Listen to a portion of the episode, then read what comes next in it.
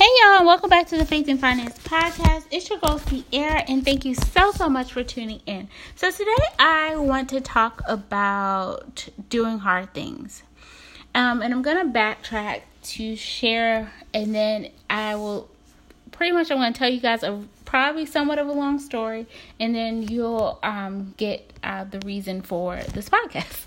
So a couple weeks ago, um, I was watching All Nations Atlanta on Sunday. I was watching their 1 p.m. service, and one of their prophets prophesied that we were in a kairos moment and that God had been telling some of us to do something for a long time and we have been disobeying him.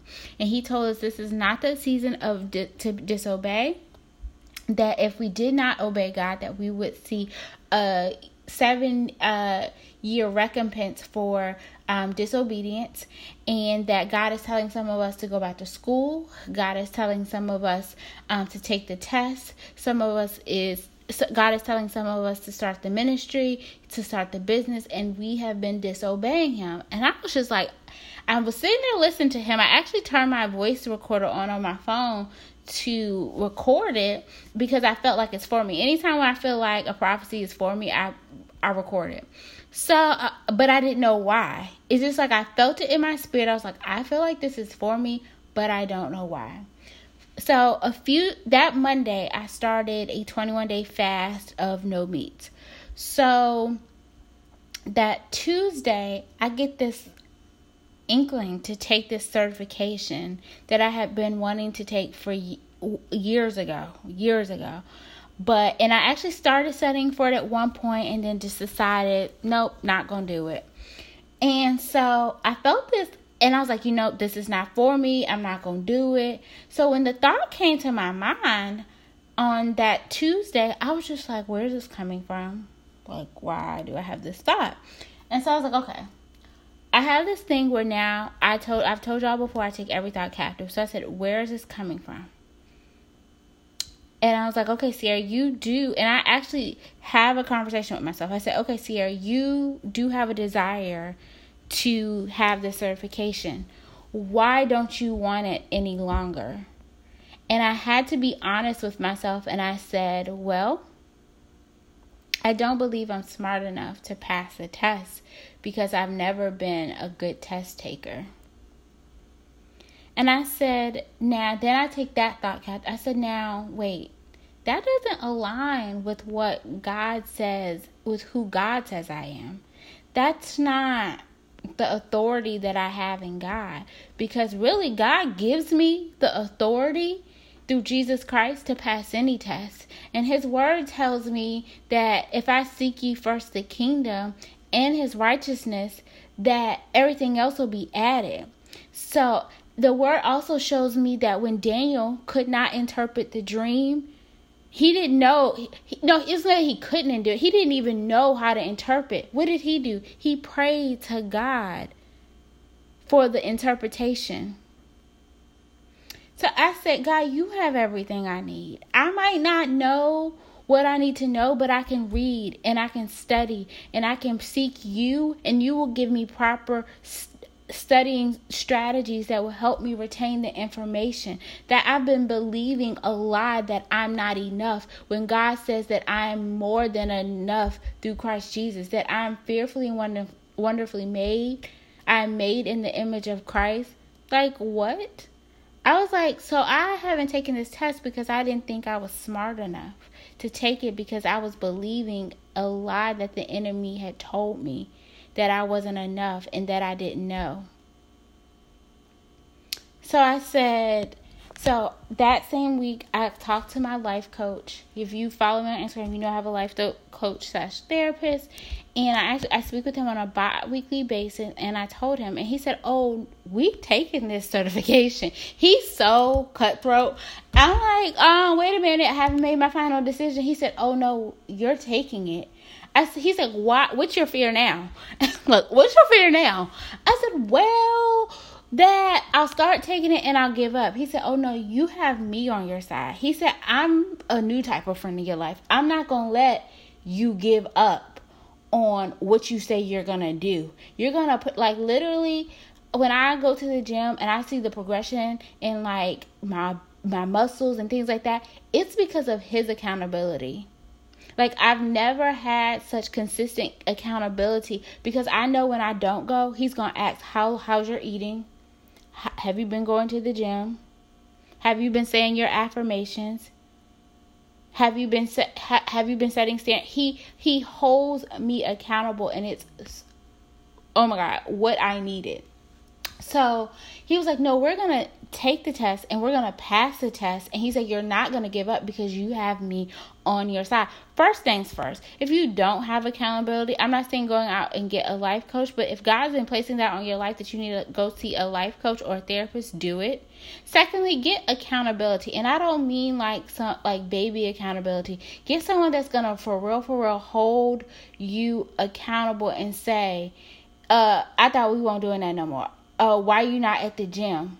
And you're gonna be mad at them, but that's their job, that's their role. And you need, if God is calling us to something higher, you have to have people around you that see on that level or are already on that level. And for me, my life coach is already on that level, so he's able to push me like harder than anyone else around me. So, I want to encourage you to do the hard stuff, to take every thought captive.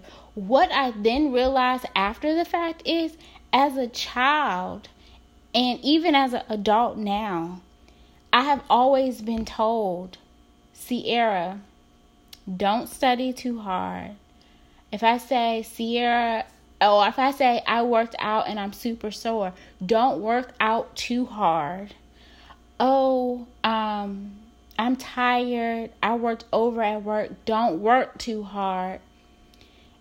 I have been trained from a child not to work hard.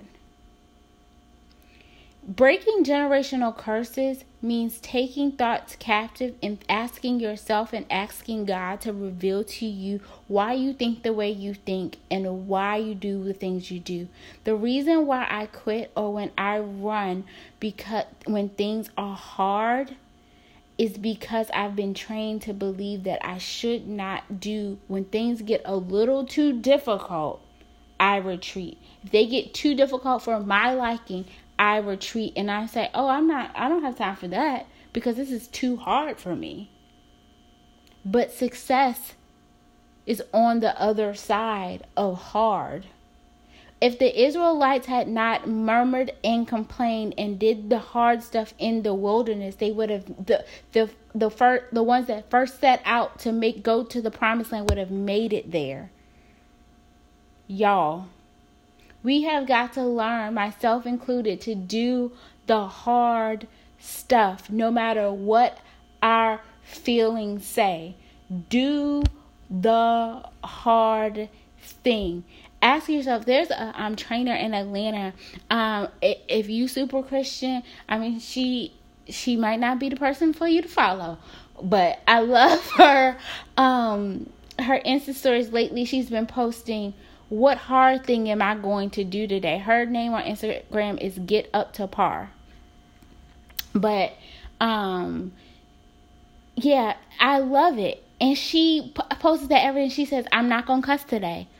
Okay, sis. Yes, I'm here for it because that's hard for her, and that's fine that's fine. Like what are, what hard thing that you know is hard for you are you not going to do? Are you going are you are you going to do today? Are we going to do today? And it's like that's what discipline is. Discipline is doing the hard thing. No, it's not going to feel good. It's not enjoyable, but we will reap. If we faint not, if we keep doing the hard thing, we will reap if we faint not. It's a training process. If we go through the process, it, we will reap if we faint not. It says, for those of us that are trained in this way. Those of us that train, training is a process. After we go through the process of doing the hard thing, of being disciplined, we will reap a harvest. That is a promise. Listen, go get our, let's get our promises. Let's do that. Let's do that. Um, yeah, we're gonna do that in 2019 and beyond. We're gonna go get our promises and we're gonna find and pray to God that He sends some accountability into our lives. If you need accountability and you don't have it and you're listening to this, let me be your accountability partner. You can DM me on Instagram, you can send me an email whichever you like and say, girl, I need, if it's budgeting, it don't even have to be budgeting. It could be like, listen, God's been really dealing with me about working out and I just need somebody. Let it be me. God's been really dealing with me about meal planning. Let it be me. That's one of the things I'm going to start doing is posting my recipes on my blog because for me, I'm like, one of the things, uh, completely off topic, but I've been wanting to, um, like it's hard for me to remember sometimes things to cook week after week and i was like i need to find a way to a place to keep all my recipes i need to do a recipe write a rest do a recipe book or something to keep all my recipes in and god was like put them on your blog I was like, yeah, I could do that. Yep, got that.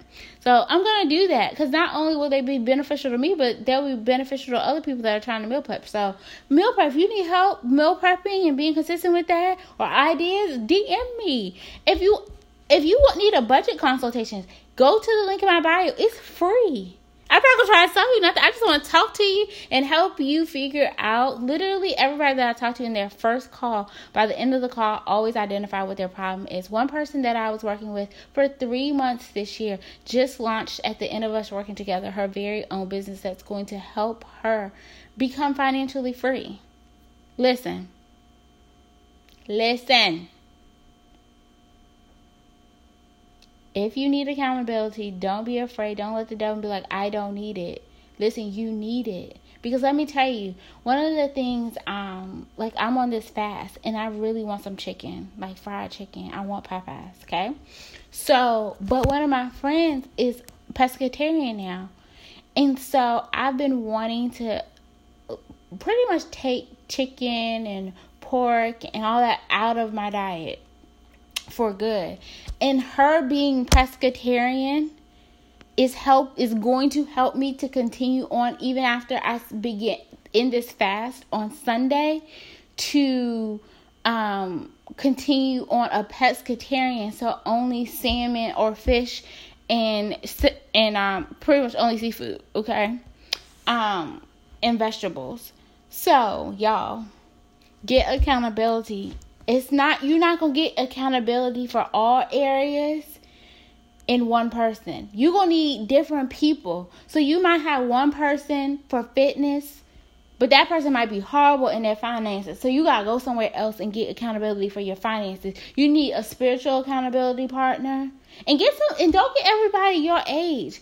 Get some people that are older and wiser. I got a few older um, women in my life, and when I say I love them, like, I love them because I can sit and just talk to them. Some of them give me godly wisdom. Some of them, I know they pray for me. They just check in, and I love it. So get some older godly wisdom in your life as well. Everybody doesn't have to be your in your age bracket, but get some accountability that's going to hold you accountable to do the hard things that God has called you to do. When Jesus was on his way to his process, that was not easy. He was tired. He had to rest. That's the thing. Even when it gets hard, when you're doing the um the hard things, do what Jesus did. Go off and rest, but just don't quit on the process. He rested. He didn't quit. And that's another thing. Speaking of quit, his process, like Jesus, the devil tempted Jesus in the wilderness. We told him how you can have all of this but he said no, and he casted what the devil said down with the word of God. He did not he didn't just jump out. And like what social media is to us, it causes us to do things prematurely because it seems like it's right at our fingertip and we try to uh, avoid process. Jesus went on a process. He knew that the people look at all the people that he would have missed helping along the way if he had escaped process. There are people at different points in your journey that are waiting on you and me to go through our process. Everybody not going to be at the end. We can't we want to get to what God the big picture of what God is showing us. But the big picture what God told Jesus' purpose was to save the world. That was the end of his story. You see what I'm saying? He still lives, yes. But do you get what I'm saying? Like his process is the meat and potatoes of that thing. So, and we're trying to escape it. Like we can't do that. Like so, in like we have to remember to go through the process, y'all, and do the hard things. It's not gonna feel good, and that's what God is doing. He's trying to stretch us and enlarge our tents. So, like in Isaiah, like it says, to, and He's gonna stretch our cords and enlarge our tents so that we when we get to certain places along our process we can withstand the turmoil and the fighting and the and the people talking about us and the devil coming at us and doing different things to try to knock us down we'll be able to be like a boxer like Creed and fight back and duck and dodge those things because we know we are standing on firm foundation y'all don't listen do the hard thing. That's it. But anyways, that's it for today. Like I said, if you need accountability, um click go, email me. The link is uh, my emails in my Instagram. On my Instagram, um you can DM me on Instagram. That's fine as well. Um yeah, if you need accountability, if you just want to talk, go to the link in my bio and schedule a consultation um to chat with me about your budget um, so I am excited to hear from y'all. If you just want, if you don't even want to talk about your budget, you want to just talk about like doing the hard things and what you feel like God t- telling you about doing hard things, do that too. Um, but I look forward to speaking with y'all um, because I love to talk. So we'll probably be on here like an hour and a half if we talk. So it's good because it's just like girl talk or guy talk guys too that's fine. I've had guy clients too but most of my clients have been females but i do have had guy clients male clients before so.